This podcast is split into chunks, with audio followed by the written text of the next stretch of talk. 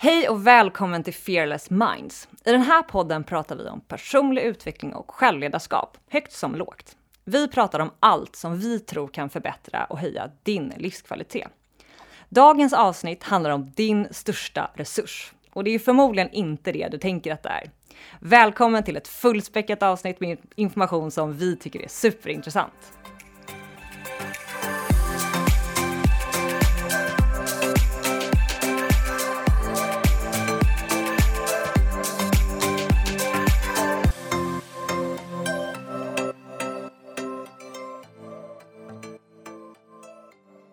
Maria, idag ska vi prata om vår största resurs.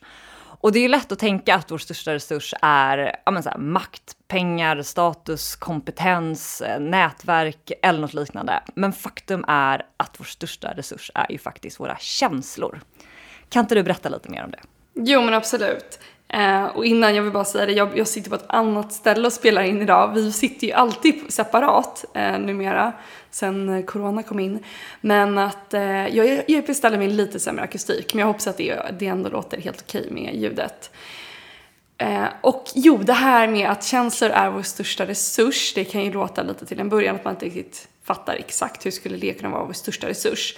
Men det är det vi ska djupdyka i idag, för att det är, när man väl fattar grejen så förstår man att det är en jäkla resurs med, med ens känslor. Och det är ju så att vi har känslor som eh, håller oss tillbaka. Och det är känslor som att man är, ja men som framförallt de är bottnade i rädsla. Man är rädd för att göra bort sig, man är rädd för att säga fel saker, man är rädd för att misslyckas. Man är rädd för att verka korkad, man är rädd för att bli exkluderad. Det finns ju massa sådana jobbiga känslor som är kopplade, som är bottnar verkligen i rädslor. Och det här gör ju att vi inte tar för oss, vi vågar inte säga ja till nya saker, vi vågar inte ta oss an nya projekt, vi vågar inte starta eget företag. Vad den handlar om så gör de här känslorna att vi håller oss tillbaka helt enkelt. Men det kan också vara känslor som likgiltighet, man känner att man är ja, lite blahaig, man, man bryr sig inte riktigt. Det är också känslor som, om, som vi definierar då skulle tillhöra lite rädslospektrumet om man liksom hårdrar det. Så att ena är då rädsla, kopplar, känslor kopplade till rädslor som håller oss tillbaka. Och det andra är då känslor som tar oss framåt. Och det här är känslor när man liksom känner glädje, eufori, exaltering, man känner sig inspirerad, man känner sig peppad, glad, eh, man kliver in i sin skaparkraft, man kanske har något jättekul projekt som man ska, ska, man ska få, få plats eller man ska på någon, ordna någon resa eller man har någon fest. Någonting som man går igång på och tycker är väldigt roligt eller kanske handlar om att man är kreativ och ska skapa, man ska göra en ny tavla eller man ska skapa någonting, eh, man ska laga mat. Det, det beror verkligen på från person till person men just då att det är bottnat i tjänster som tar oss framåt. Um, och här brukar man ju säga lite, kanske lite mer på engelska, men det är så här, är det love eller fear som det är bottnat i? Och jag tycker det är ett ganska enkelt sätt att bara så här, rannsaka sig själv ibland. Man bara, är det här rädsla eller är det baserat i kärlek? Eh, och kärlek då, om man tänker då att det är känslor som är, det kan vara exaltering och glädje och, och allt sånt där. Och det är ju lite så att man, om man tittar på sitt eget liv, eh, så har man ju varit i projekt där man har varit så oengagerad. Um, att man bara har känt att det är så här, ja men det kanske är något projekt på jobbet, man tycker det är tråkigt. Och det är som sagt, man kan känna sig jäkligt likgiltig till det, man har inte brytt sig.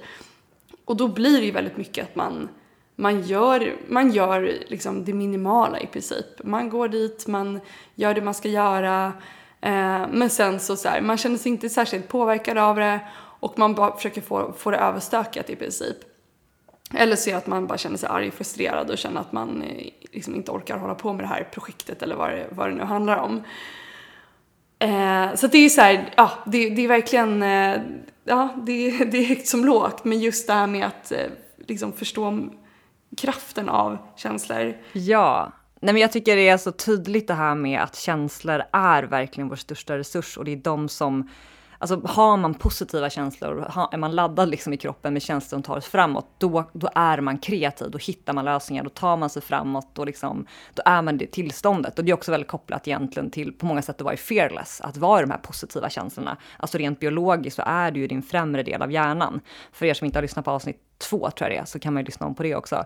Um, men absolut, för det, alltså jag kommer att tänka på jag hade en killkompis som för några år sedan, jag kommer så himla väl ihåg, först träffade han en tjej eh, som han var så här, ah, de var tillsammans, man märkte på honom att han, han var intresserad men han var inte jättekär. Det var väldigt uppenbart. Jag kommer ihåg liksom när de skulle ses var det ofta så här, ja men typ, eh, jag, jag gjorde det här istället, jag ville gamea lite eller bara nej men jag pallar det. Alltså jag märkte på honom och hon bodde så fem minuter ifrån där han bodde så det hade varit väldigt lätt för honom att träffa henne liksom rätt ofta så. Eh, och sen tog det i alla fall slut och sen träffade han liksom, om så här, uppenbart sin stora kärlek och var liksom väldigt, väldigt kär. Och jag minns liksom, hon bodde verkligen på en hel, alltså, typ 40 minuter med bil från där han bodde och han, liksom, han tog sig till henne. Alltså jämt. Du vet, även om han liksom kom till henne klockan 12 på natten och så kunde de få sex timmar ihop och sen gick han upp klockan 6 på morgonen för att ta sig till sitt jobb dagen efter. Alltså han, han, han blev så, han var så motiverad och liksom, vad säger man, målinriktad och bara, han hade så starka känslor att liksom, inget kunde hålla liksom, dem ifrån varandra på det sättet. Och det tycker jag är talande det här med när man liksom, ja men just kärlek är en väldigt stark känsla. Det är ju liksom passion och det är ju verkligen mycket kemi i de känslorna.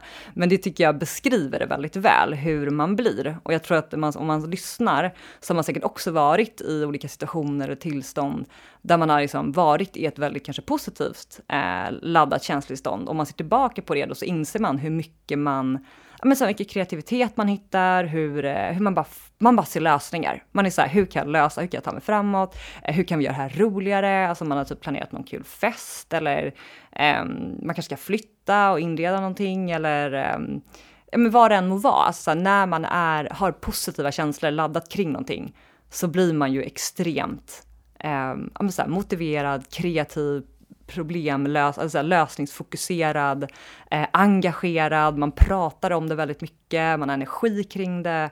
Jag tycker det är så, alltså för mig blev det så tydligt när jag insåg det här och det som blev läskigt tycker jag var att inse hur lite känslor man pratar på arbetsplatser. Eftersom det är vår största resurs. Jag tycker det är skrämmande hur lite man pratar känslor och hur lite man vågar ta på det. För att om man verkligen inser vidden av det här, då, måste, då förstår man så här, som ledare och chef, det är ju typ mitt viktigaste uppdrag att hjälpa mina kollegor och medarbetare att försätta sig i väldigt positiva känslotillstånd. För då kan ju de göra vad fan som helst, rent ut sagt.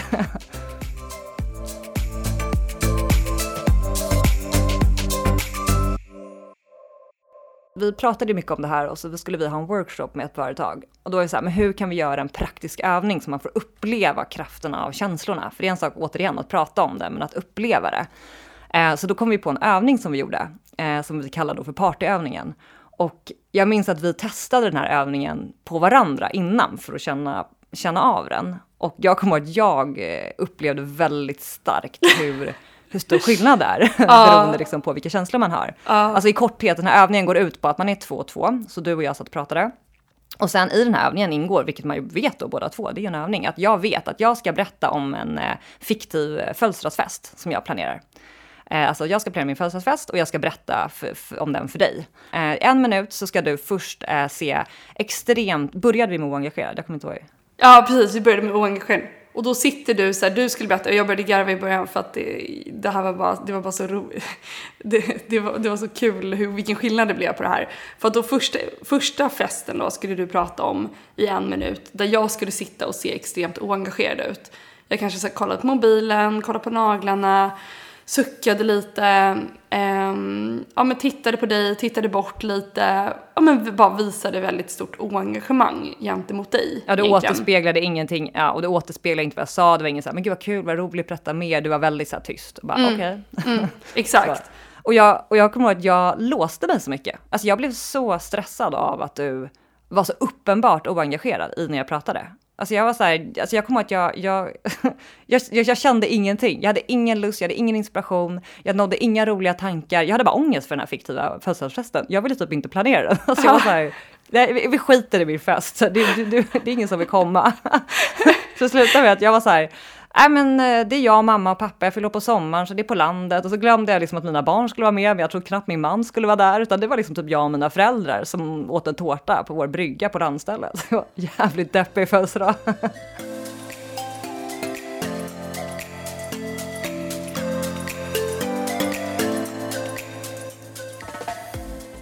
Det var ju scenario ett då och sen var ju scenario två då när min, min uppgift var att visa engagemang och verkligen sitta där och, bara, och bekräfta allting du sa.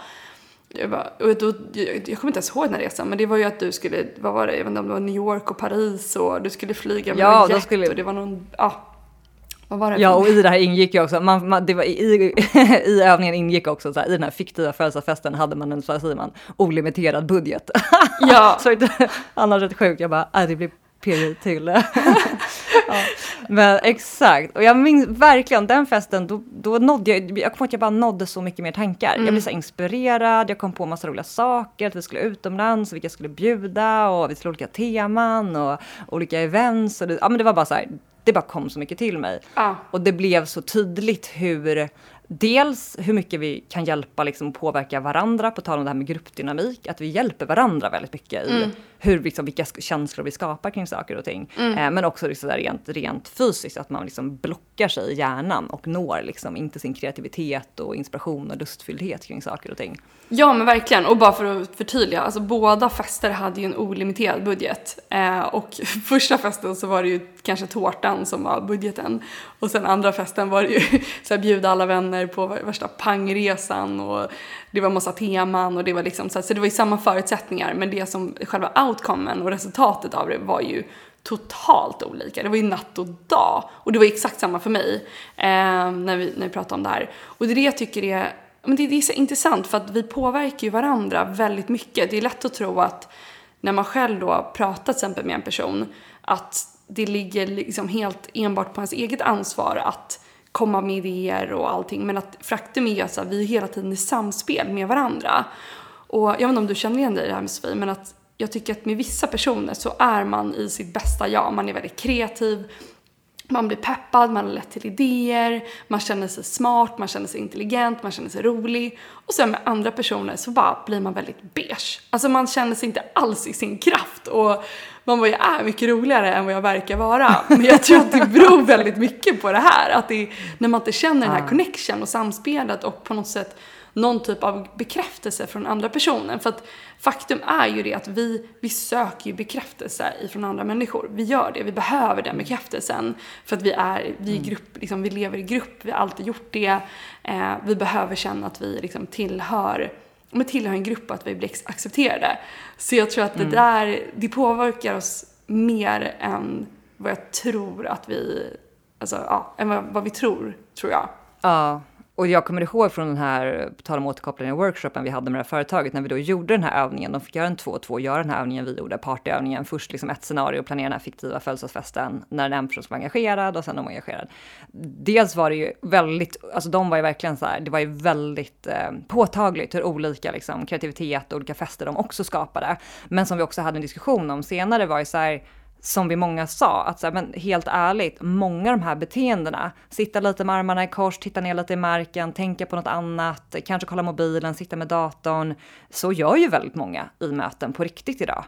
Och det var ju så här verkligen en upplevelse för många där, alltså, men gud, vi måste ju typ skärpa vår kultur och våra förhållningsregler i våra möten på riktigt, för att det här påverkar ju så uppenbart ja, så energin, kreativitet, lustfylldhet, hur, hur man liksom connectar, vad man, hur man liksom kommer på lösningar snarare än att fokusera på problem. För jag menar, det här är ju det är ju verkligen det som skapar värde i företagen. Alltså hur man agerar, hur man tänker. Alltså skillnaden är ju verkligen så här, ja men vi ska komma på en ny produkt eller det har hänt en grej på kundtjänsten. Hur löser vi det här på ett bra sätt eller IT-problem eller vad det än är. Det handlar ju om människor som ska lösa problem. Och då måste ju de nå en stor, liksom, stor del av sin intelligens för att göra det på ett bra sätt. Ja, verkligen. Och där tror jag också att det är bra att påminna sig själv om det i sina, äh, i sina liksom, nära relationer också. Att med ens familj till exempel, eller med ens partner eller med ens vänner, att verkligen så att vi, alltså att också så här att veta hur mycket man faktiskt påverkar den andra människan. Att när man då inte lyssnar, och det är så lätt också att ta det exempel i sin familj som man har vuxit upp med och det är lätt att ta varandra för givet och inte visa det, eh, den typen av engagemang när någon pratar. Men visa också då på där hur mycket vi faktiskt påverkar varandra och ge det till de man är närmst där det är också väldigt lätt att man tar upp mobilen istället för att när någon sitter och pratar till exempel. Bara veta att så här, det det, ja, man påverkar den andra personen och man påverkar också i slutändan hur bra man mår med den andra personen. Någon som visar, och det här är du väldigt bra på Sofia, att du alltid liksom när, när vi pratar, även fast du har, så här, du har tre barn och ibland är någon av de barnen med, men du, alltid, du ger alltid så mycket av din uppmärksamhet och man känner sig alltid väldigt bekräftad. Vilket gör att det är väldigt kul att vara med dig för att man, man känner sig väldigt alltså, ja, uppskattad och att de idéer, alltså att man får mer och mer idéer, det blir alltid det blir en skapande process på något sätt då, det samspelet. Mm. Vilket jag uppskattar väldigt det, mycket. Det, det, ja, jag tror att, ja men tack och jag tror att det, nu ska jag inte prata om oss så mycket kanske, men eh, generellt tror jag att det, det, har, det har ju verkligen vi i vårt, i vårt samspel. Det tycker jag vi ofta ser när vi skapar våra workshops eller presentationer, nya idéer. Vi har ju väldigt, väldigt kul när vi jobbar tillsammans och det, vi får ju väldigt mycket idéer ihop du och jag och blir väldigt kreativa tycker vi själva, så här, men det blir vi ju. Och det handlar nog väldigt, väldigt mycket om vårt samspel och vilka känslor vi triggar i varandra och liksom vår lilla gruppdynamik oss sinsemellan så, som är nog väldigt, den är väldigt konstruktiv. Ja, och en grej som jag tror är viktig här är att som jag tror vi båda hela tiden har med oss, eh, som man verkligen kan liksom anamma själv, är att just det här med att veta att den bekräftelsen på något sätt är väldigt viktig för att spinna vidare idéer och på något sätt öppna upp sig för att på något sätt hamna i ett fearless tillstånd är det ju egentligen då. Att man verkligen, och det är ju menar vi med att man har tillgång till hela sin främre del av sin hjärna. Eh, att man är i ett tillstånd av less of fear, där man är då man är avslappnad och man har tillgång till sin kreativitet, sin förmåga att se olika lösningar och så vidare. Men då när vi sitter i ett sånt samspel så gör det ibland att jag till exempel säger en idé som är, den är inte bra, den är helt orimlig. Men att du skulle aldrig liksom, nej Maria det där, det där funkar inte, du skulle aldrig slå ner på den idén. Du skulle istället kanske guida vidare och se att så, men den här idén kanske är en stepping stone till vår riktiga idé. Den här idén kanske behövde komma på bordet för att vi skulle kunna ta oss vidare till nästa idé. Och att just tillåta sig själv i de så här, idéskapar, när man bollar saker eller bollar planer eller bollar upplägg på saker. Att man ger sig själv det, det, det utrymmet att inte allting ska behöva vara realistiskt. För sen efteråt kan man sen plocka de bästa bitarna av det och göra det mer realistiskt. Men att det på något sätt så här, det tycker jag har varit så himla tydligt i våra processer att det har varit massa idéer på vägen som har varit rätt kassa och helt orimliga. Men att då man på något sätt säger okej okay, men ja, bra tanke, men vad tror du om det här? Att man liksom, man jobbar på ett annat sätt istället för att bara säga nej och kapa den idén. För att då på något sätt så stänger vi ju det biologiskt, att det blir ett sätt att vi måste ja, det var inte uppskattat, det är någon typ av liten rejection där eh, och det blockerar då lite den här processen istället för att bara låta det få flöda fritt och sen då plocka det bästa av det bästa. Och det är där jag tycker att när man väl tillåter sig själv att ha den processen och man är med någon som förstår den processen eh, och bara för att vi säger någonting så kommer det inte betyda att vi ska göra det till verklighet. Men att det tycker jag att det gör att eh, det kommer ut så mycket av det och man får verkligen fram väldigt, väldigt mycket bättre idéer och tankesätt på ja. det. Verkligen, för jag skulle säga att det skapar den här biologiska tror jag, tryggheten i relationen i att man kan säga, eh, liksom när man har i en tidig fas i olika projekt, då har man ju någon form av indirekt brainstorming-fas ofta, liksom, eller att det kommer, och då ska det ju komma idéer högt och lågt och man ska ju bara så här, tänka högt, för att sen kan det vara liksom ett axplock av de massa idéerna som blir en klockren idé. Men man måste, som du säger, få spotta ur sig och komma ut med massa olika idéer eller någon jättestor idé för att sen kunna spinna vidare och hitta det där. Men precis som du är inne på, får man då någon form av rejection, alltså avvisande, en känsla av det, det är jättejobbigt rent biologiskt för en människa att få ett avvisande. Eh, det är jätteviktigt för oss, som du sa innan, att, att liksom känna oss att vi är accepterade och en del av en flock och sådär. Så att förstå biologin i att man, man kan ju tänka sig, men vadå, det är ju bara ett uppriktigt svar, det var inget bra. Men biologiskt sett upplevs det som en, ofta som en avvisning eller rejection och det skapar en väldigt negativ känsla. Hur liksom rationell man än vill vara i de flesta människor. Och Exakt. det triggar mer rädslor och gör att man tappar väldigt mycket energi och väldigt mycket liksom, eh, kreativitet och den här främre delen av hjärnan. Så att man är, ja, jag, jag tycker det är väldigt smart att jobba med biologin på så sätt. Ja, verkligen. Och där kan man ju vara då att om man vill Alltså att man verkligen ser till att så här, nu skapar vi det här spacet, spacet där man får prata om de här idéerna och tankarna högt som lågt och att snarare då att försöka trigga varandra i att komma på så många idéer och att just skapa den bekräftelsen. Och man kan ju testa den här partyövningen om man vill själv. Just då att köra en minut tillsammans med en annan person där då ena personen ska berätta om eh, planera sin kommande födelsedagsfest och den andra personen i första minuten då ska visa totalt ointresse och oengagemang eh, åt den här personen och sen då scenario två är att en minut en gång till men då bekräfta och säga ja och vilken bra idé och älska det och visa det med kroppsspråket, man tittar i ögonen, man blir exalterad och se bara vad resultatet blir. För jag tror att när man har gjort den här övningen, och det var ju det som var så tydligt då när vi gjorde det, dels gjort det själva men sen när vi gjort det i ett företag, att det blir sån, alltså det blir sån aha-upplevelse för man inser då, alltså jag tror att i, man inser kraften av det och man inser kraften av det här med bekräftelsen. För att det är så lätt tror jag att man tänker då under till exempel, man, man sitter och pratar med någon och någon säger en idé och att man bara rejectar den och man tror att men det kommer inte göra så stor skillnad på den här personen och det är helt ärligt, det var ingen bra idé så att det är mycket mer, vi kommer snabbare komma fram till rätt lösning om vi faktiskt bara säger nej till idéer som inte är bra och ja till idéer som är bra. Det kommer ta oss snabbare mot våra mål. Är det lätt att tänka, tänker jag.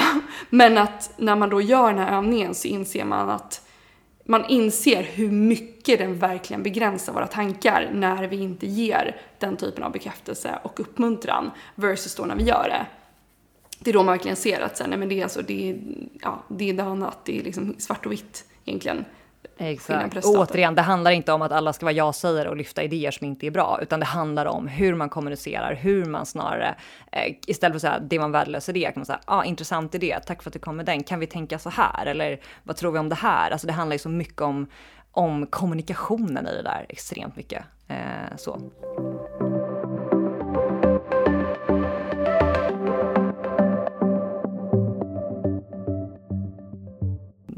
Och det här tycker jag är väldigt intressant. Och det som är spännande tycker jag är att dels kan man ju titta på så här, vad har jag väldigt så här, vad säger man, lätt i mig, vad, här, vad har jag inom mig som gör att jag går igång på någonting, tycker att det är kul, och får jag energi av, vad får jag väldigt naturligt positiva känslor kring, liksom, kan det vara ja, men vissa aktiviteter, vilka sporter, vissa typer av eh, samtal, alltså whatever it is, vad har man passion kring?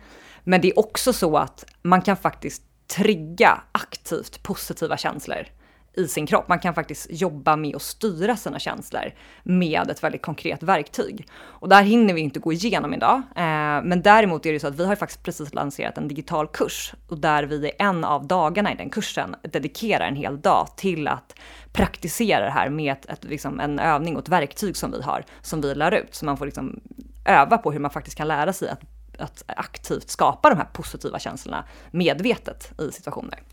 Så är man intresserad av det så kan man ju faktiskt gå kursen. Den finns på vår hemsida fearlessminds.se kurser för dig som är intresserad.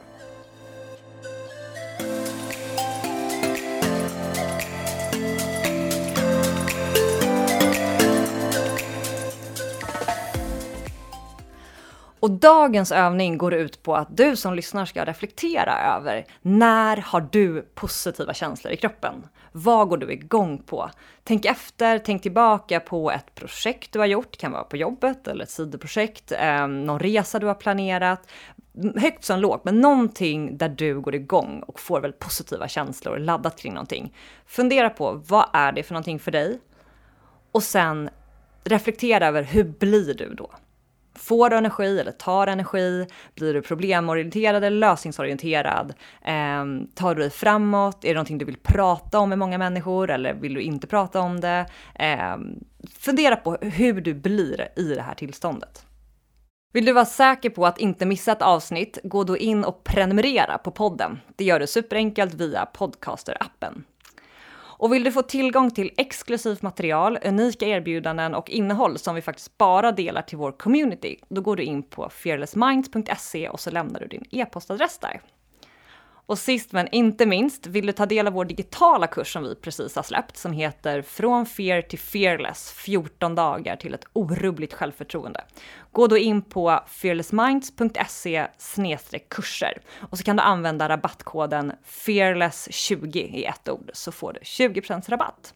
Stort tack för att du har lyssnat idag. Vi ses nästa gång. Hej då!